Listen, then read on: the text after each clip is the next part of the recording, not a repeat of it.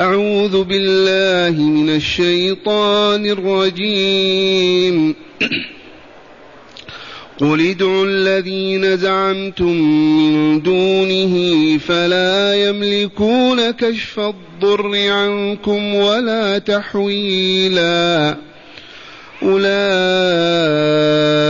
الذين يدعون يبتغون إلى ربهم الوسيلة.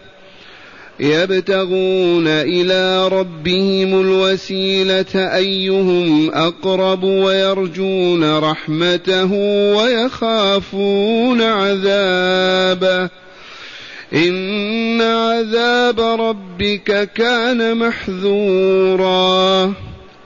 وإن من قرية إلا نحن مهلكوها قبل يوم القيامة أو معذبوها أو معذبوها عذابا شديدا كان ذلك في الكتاب مسطورا وما منعنا أن نرسل بالآيات إلا أن كذب بها الأولون وآتينا ثمود الناقة مبصرة فظلموا بها وما نرسل بالآيات إلا تخويفاً وإذ قلنا لك إن ربك أحاط بالناس وما جعلنا الرؤيا التي أريناك إلا فتنة للناس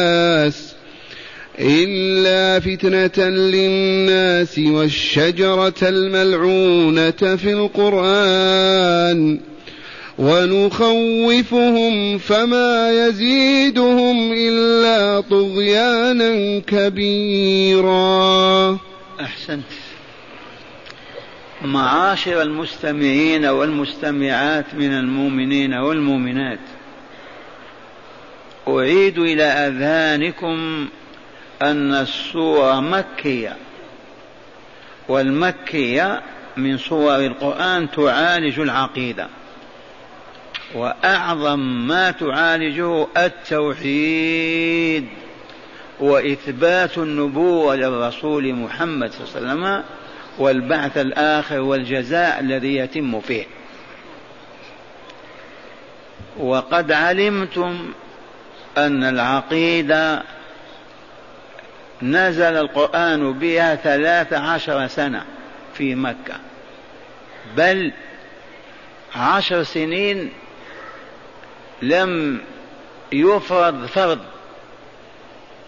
ولم تسن سنة والدعوة كلها حول العقيدة من أجل أن يعتقدوا أنه لا إله إلا الله وأن محمدا رسول الله صلى الله عليه وسلم وأن الدار الآخرة حق دار الجزاء على الكسب والعمل في الدنيا.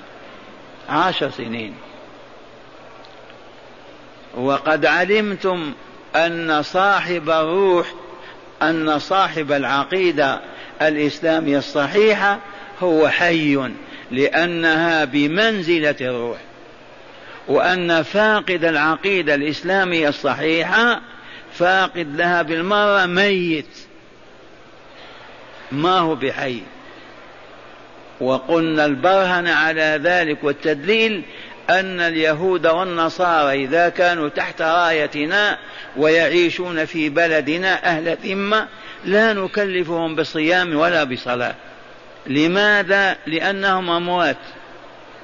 فإذا أسلم أحدهم وقال أشهد أن لا إله إلا الله وأن محمدا رسول الله من تلك اللحظة نقول اغتسل وتعال صلي. وغدا رمضان صم وبعده الحج فحج. وذلك لأنه حي بعدما كان ميتا. وعلمتم أن أن العقيدة الإسلامية قد يداخلها زيادة ونقصان للجهل وتغيير المغررين وفساد المفسدين. يصبح صاحبها ليس بميت ولا بحي مريض وهذا المرض ظاهر في أمة الإسلام. الذي يفعل واجب ويترك آخر يتجنب محرم ويخشى محرم آخر ويفعل سليم العقيدة والله مريض. ما صحت عقيدته. هذا أذكر به الناسين وأعلم به غير العالمين. ونعود إلى الآية الكريمة قال تعالى نعم نعم يقول تعالى قل ادعوا الذين زعمتم من دونه أي من دون الله فلا يملكون كشف الضر عنكم ولا تحويله إلى غيركم. من هم الذين يدعون؟ هؤلاء في العرب جماعات أفراد آمنوا بالجن. مجموعة من الجن آمنوا بها وعبدوها. فترة من الزمن دخل أولئك الجن في الإسلام وأسلموا. وقد جاء في القرآن بيان هذا. فلما أسلموا أصبح دعاءهم لا يرضون به ولا يقبلونه. وأهل الجهل الجهل ما زالوا يدعونهم. وسبحان الله الآية كما سمعتم نزلت في أفراد يدعون الجن يؤلهونهم ويعبدونهم. أسلم أولئك الجن فأصبح عبادتهم باطلة لا معنى لها. فنبههم الله تعالى إلى هذا الغلط وهذه الغفلة فقالوا أولئك الذين يدعون يبتغون إلى ربهم الوسيلة. أيهم أقرب والقرآن كلام الله والله عليم حكيم. وتمضي القرون الثلاثة الأولى والتوحيد سائد عام في أمة الإسلام ثم يداخلها الشرك. فأصبح في أمة الإسلام ملايين من يدعون غير الله ويتقربون إلى غير الله ويتوسلون إلى غير الله. هذا يذبح وهذا ينذر وهذا يخاف وهذا يعكف وهذا ملايين. فسبحان الله الآية تنطبق على الحاضرين أكثر من الأولين. لأن الأولون مجموعة قليلة آمنت بالجن. وإذا بأمة الإسلام من القرن الرابع تصاب بعبادة الأولياء والصالحين بالذبح والنذر والحلف والعكوف والحج وما إلى ذلك. وصدق الله العظيم. قولوا لهم ادعوا الذين زعمتم من دونه فلا يملكون كشف الضر عنكم إن مرضتم ولا تحويله إلى غيركم إن أردتم أن يصاب به عدو من أعدائكم. وهذا تحدي افعلوا. قل لهم يا رسولنا أيها المبلغ عنا صلى الله عليه وسلم قل لهم ادعوا الذين زعمتم من دون الله أنهم يستجيبون لكم. ويكشفون الضر ويقضون حوائجكم. ادعوهم. فإنهم لا يملكون أبدا كشف الضر ولا تحويل الضر من شخص إلى آخر. إذا كنت ترضى أن يحول إلى عدوك. وهذا يدل على ضعف الناس وحاجتهم. ما عرفوا ربهم يطرحون بين يديه ويسألونه كشف ضرهم. وعرف الشيطان عرفهم بالأصنام والأوثان والأحجار والشياطين فعبدوها. فجاء القرآن ليبين الطريق لمن أراد أن ينجو ويسعد. فالله تعالى يقول لرسوله صلى الله عليه وسلم قل يا رسولنا لهؤلاء المشركين ادعوا ادعوا الذين زعمتم من دونه أي من دون الله أنهم يقضون حوائجكم ويفرجون كرابكم ويشفون مرضاكم وأسقامكم ادعوهم. فلا يملكون والله كشف الضر ولا تحويله والله ما يملكون. لا كشف الضر وإزالته ولا تحويله من شخص إلى آخر. إذا فما الفائدة في دعائهم؟ والاستغاثة بهم والعكوف على أصنامهم والتقرب إليهم عمل باطل. سببه الجهل وعدم العلم. وقوله تعالى أولئك الذين يدعون إلى رب أولئك الذين يدعون يبتغون إلى ربهم الوسيلة أنهم أقرب ويرجون رحمته ويخافون عذابه. عبد القادر الجيلاني رحمة الله عليه فلان وفلان من أولياء الله الذين عبدناهم بالذبح والنذر والعكوف حولهم. هؤلاء والله لا يبتغون إلى ربهم وسيلة. وكانوا يقومون الليل ويصومون النهار ويتصدقون بأموالهم ويدعون الله راجين آمنين خائفين. كيف نحن ندعوهم ونخافهم ونرجوهم؟ نعكس القضية. أولئك الذين يدعونهم هم يبتغون إلى ربهم وسيلة يتملقون إلى الله ويتزلفون بالذكر بالدعاء بالصلاة بالاعتكاف بالرباط بالجهاد بكل الأعمال الصالحة. يرجون رحمة الله ويخافون عذابه. هؤلاء الذين يدعونهم كانوا يدعون ربهم ويستغيثون به ويتقربون إليه. فكيف تدعو من يدعو؟ تدعو فقير يحتاج. ادعو من يملك العطاء ويعطيك ويعطي غيرك. وهذا صفع على وجوه أولئك الذين عموا عن الله وأصبحوا مقبلين على غير الله من الجن والإنس. ودخل في هذا عالم النصارى عالم الصليب عالم المسيح. أما يدعون المسيح وأمه ويستغيثون بهما؟ وعيسى كان مفتقرا إلى الله محتاجا إليه يدعوه ويرغب فيما عنده وأمه كذلك. فكيف يدعون من دون الله؟ والآية سبحان الله نزلت في مكة من أجل جماعة يدعون الجن وإذا بها تشمل البشرية كلها. لأنه كتاب الله للبشرية إلى يوم الدين. وتأملوا صيغة الكلام. قل ادعوا الذين زعمتم من دونه فلا يملكون كشف الضر عنكم ولا تحويلا.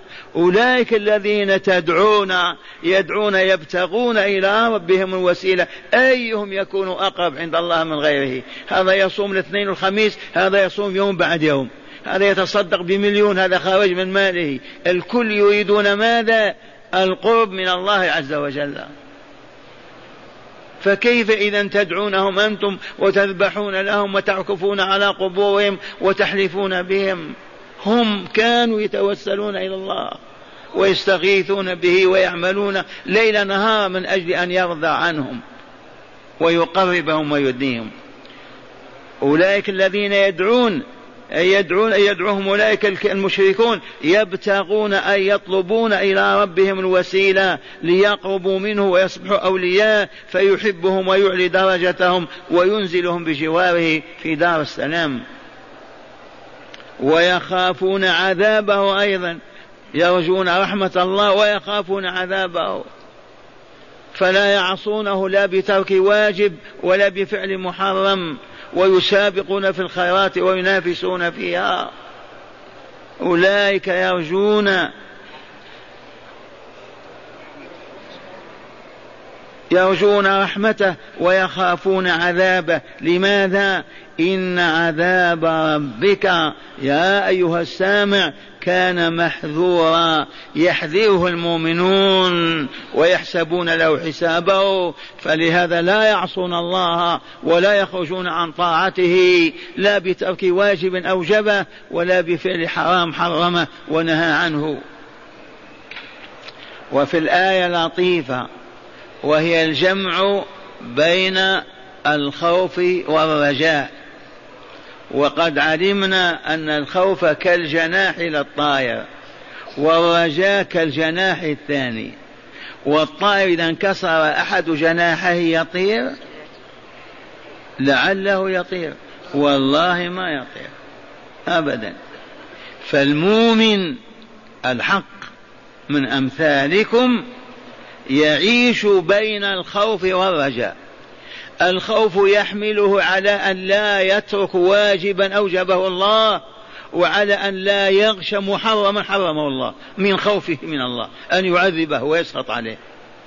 والرجاء يجعل يسابق بالخيرات وينافس فيها لتعلو درجته ويسمو مقامه مع مواكب النبيين والصديقين والشهداء والصالحين.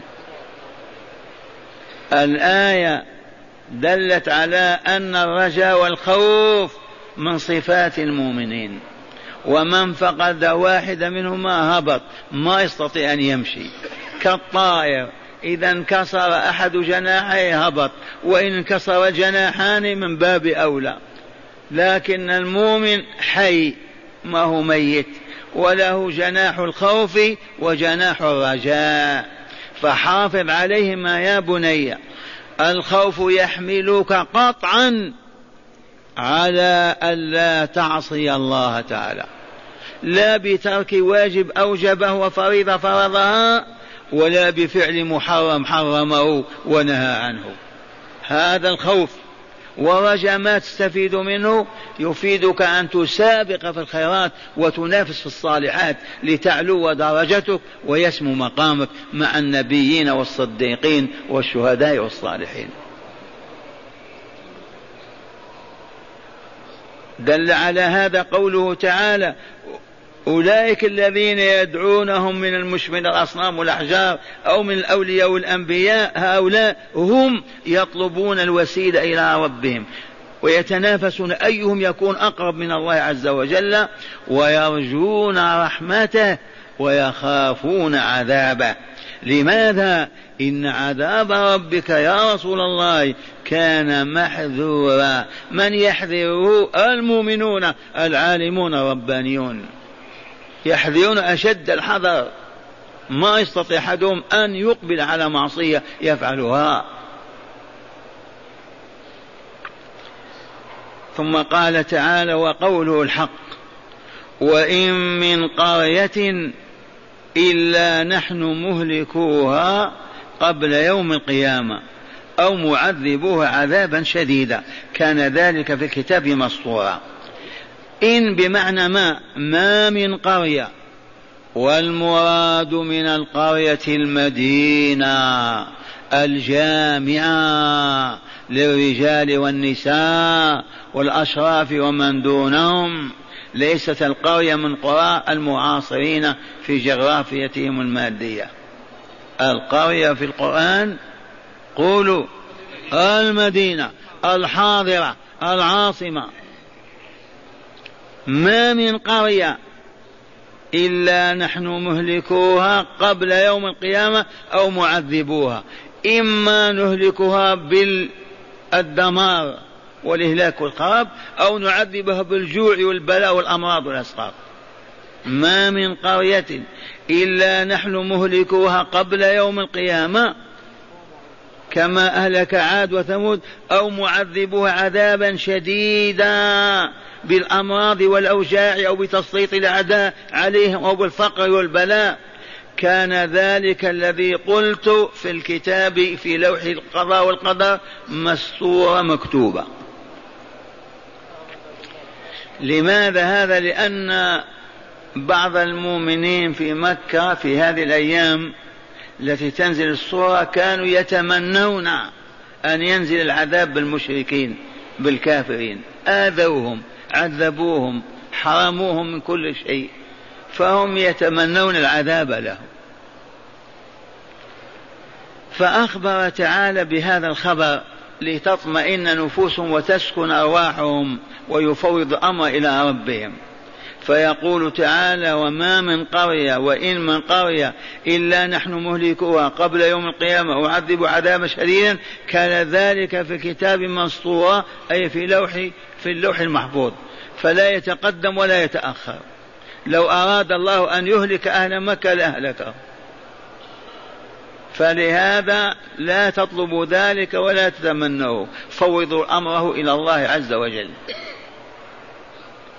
والله يهلك القرى بسبب ماذا؟ كفرهم شركهم باطلهم فسادهم خروجهم عن أئمتهم ورسلهم الذين أرسلهم إليهم. فإذا أراد إهلاكهم كتبه في الكتاب المقادير أهلكهم. وإن أراد تعذيبهم عذبهم بما شاء من ألوان العذاب من الفقر والجوع إلى الخوف والمرض والسقم. وما وإن من قرية إلا نحن مهلكوها قبل يوم القيامة أو معذب عذابا شديدا كان ذلك الهلاك أو العذاب في الكتاب أي في اللوح المحفوظ مسطورا أي مكتوبا. سطره إذا كتبه. ثم قال تعالى وما منعنا أن نرسل بالآيات. ما الذي منعنا أن نرسل بالرسل بالآيات؟ أن نرسل نبينا محمد صلى الله عليه وسلم بالمعجزات الخارقة للعادة. ما الذي منعنا؟ إلا أن الأولين كذبوا فأهلكناهم. ما نريد أن نهلك أهل مكة. نرجو لهم الإيمان والإسلام بعد قليل. وفي أصلابهم مؤمنون. وما منعنا ما الذي منع الله تعالى أن يرسل محمد بالآيات كما أرسل موسى وعيسى والأنبياء بالمعجزات؟ ما منعه إلا شيء واحد. ما هو؟ إلا تكذيب الأولين بالآيات. فقد ناتي محمد بمعجزة وحينئذ يكذبونه فيهلكون.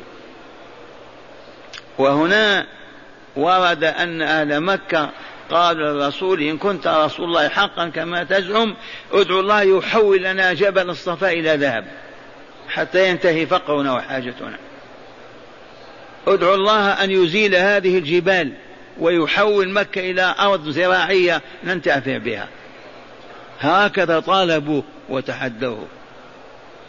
فكان الجواب من الله عز وجل وما منعنا أن نرسل بالآيات إلا أن كذب بها الأولون. فلو أن الله استجاب وحول جبل الصفا إلى ذهب وما آمنوا كيف تكون المحنة؟ الدمار الكامل. لم يبق أحد. والله ما أراد هذا ولا كتبه. سوف يخرج من صلابهم من ينشرون الإسلام في العالم بأسره. هذا معنى قوله تعالى وما منعنا أن نرسل بالآيات إلا أن كذب بها الأولون والبرهنة والدليل وآتينا ثمود الناقة مبصرة فظلموا بها شمالنا مدائن صالح. أمة راقية يكفيها ماذا؟ قصورها في الجبال. وطالبوا بالآية وقالوا إن كنت حقا رسول الله ادعو الله أن يخرج لنا من هذا الجبل ناقة. فقام يصلي ورفع يديه ما زال يصلي ويرفع يديه حتى انفلق الجبل عن ناقة. أحسن ما تكون لا مثيل لها في كمالها وجمالها. لكن هل آمنوا؟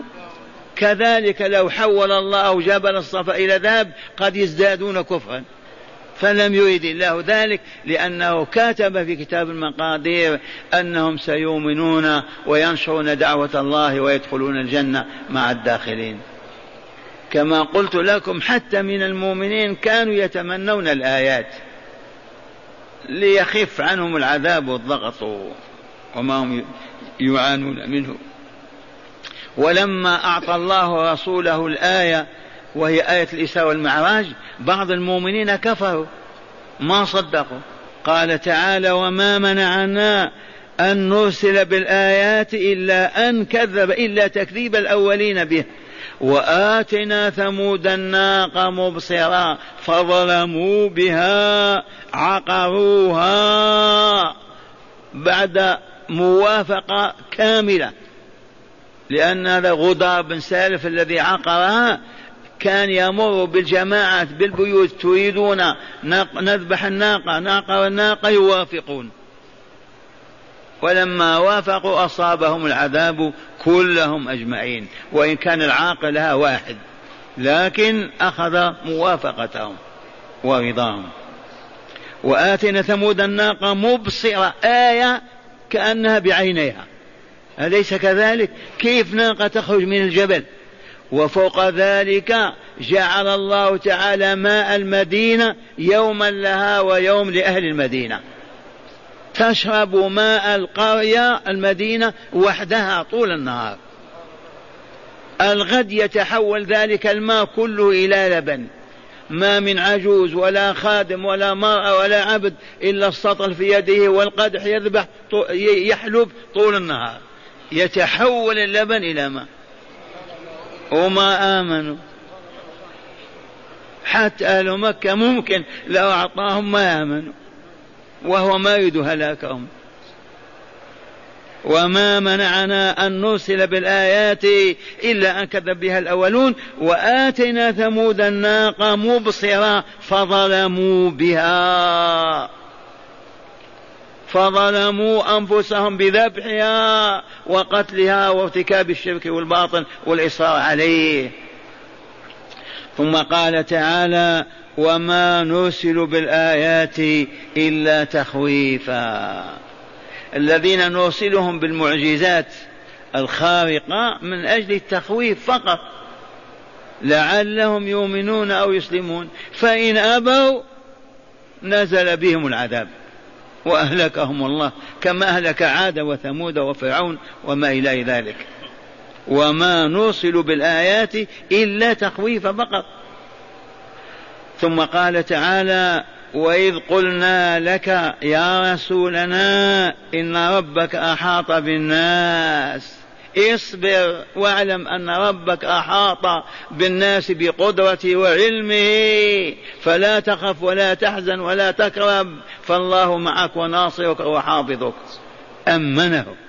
يمشي في مكة كالأسد. لن يستطيع أحد أن يضره أو يناله بسوء.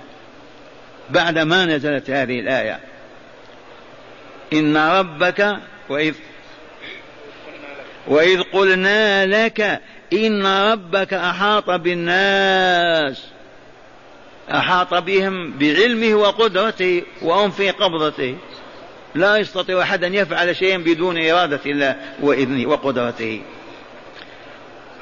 وما جعلنا الرؤيا التي أريناك. هذه الرؤيا ليست رؤيا منامية. وإن كان لفظ الرؤيا يطلق على المنام ويطلق على الرؤيا بالعين. في لغة العرب. والمراد من الرؤيا هنا الإسراء والمعراج وما رأى وشاهد من آيات الله وعجائب خلقه في الملكوت الأعلى وفي الملكوت الأسفل. لما جعل الله هذه الرؤيا للامتحان. وما جعلنا الرؤيا التي أريناك إلا فتنة للناس. فقط. آمن من آمن وكفر من كفر. قالوا كيف يمكن أن يسري إلى بيت المقدس في لحظات ويعود؟ كيف يعرج إلى الملكوت الأعلى ويشاهد الجنة والنار والعالم العلوي بكامله إيه؟ المؤمنون ازدادوا إيمانا وضعاف الإيمان ارتدوا. فلما جعل هذه للفتنة ليصح إيمان المؤمن بحق ويفسد إيمان الإيمان بالباطل. وما جعلنا الرؤيا التي أريناك من أراه إياه. وقد علمتم كيف جاء جبريل وأخرجه من بيت أم هاني إلى المسجد الحرام إلى بئر زمزم وشق صدره وغسل قلبه وحشي بالإيمان والحكمة والنور وركب البراق.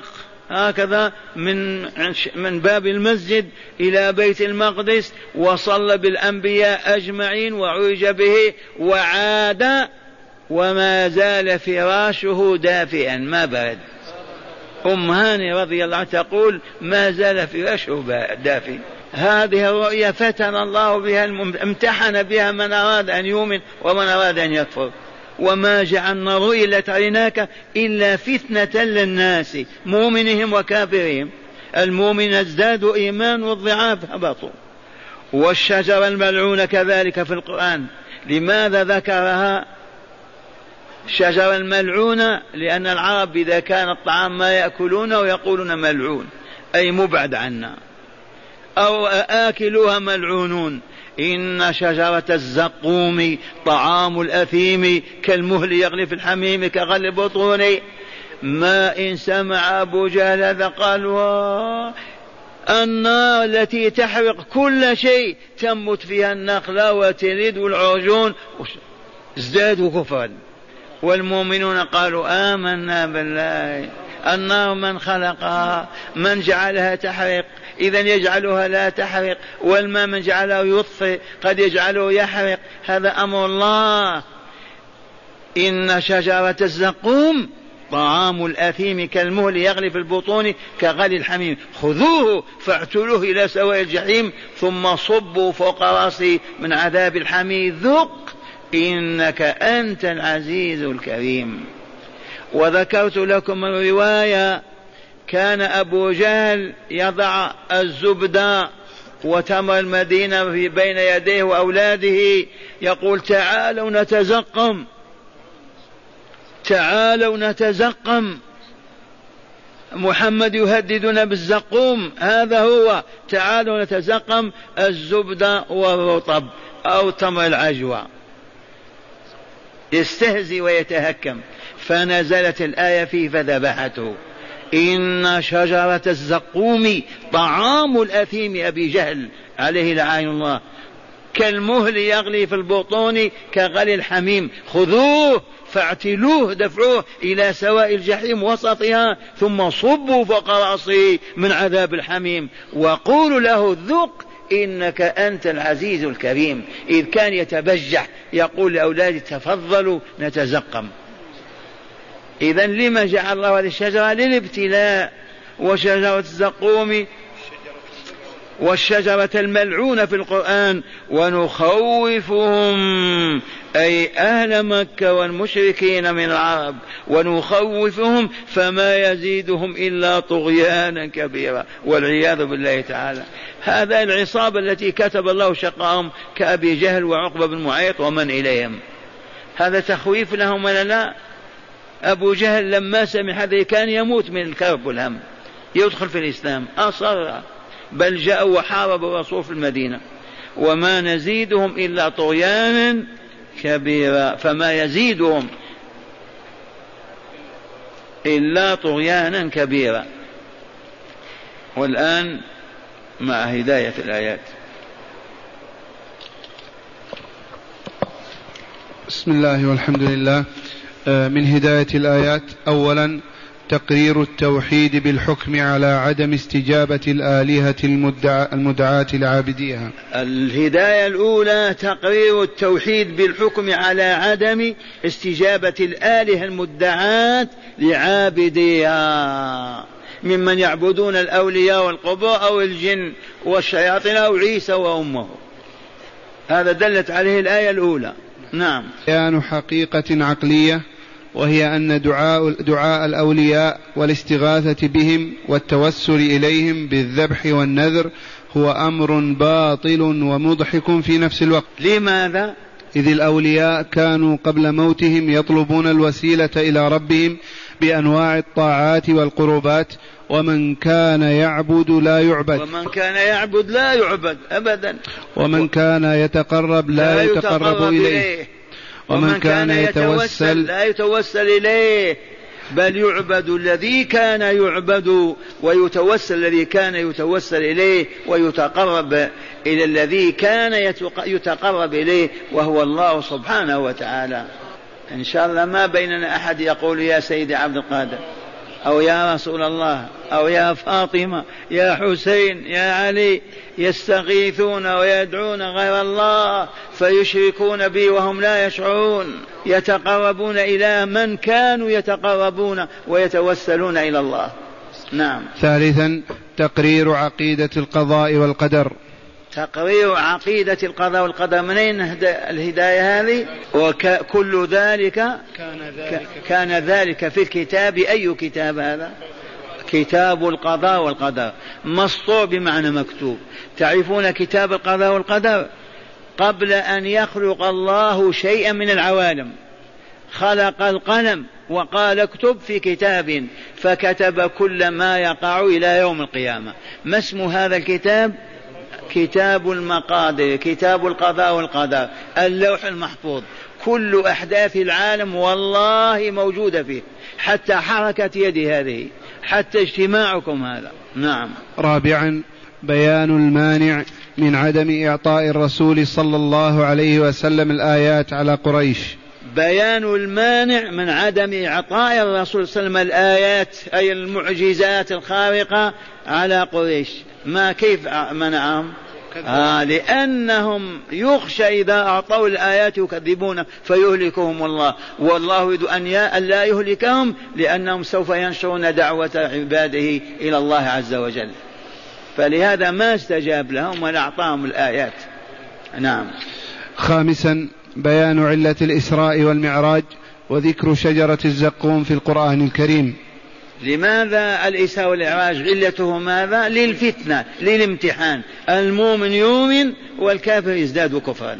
والشجرة شجرة الزقوم أيضا لماذا ذكرت؟ فتنة أيضا تخويف وتخويفا للمشركين.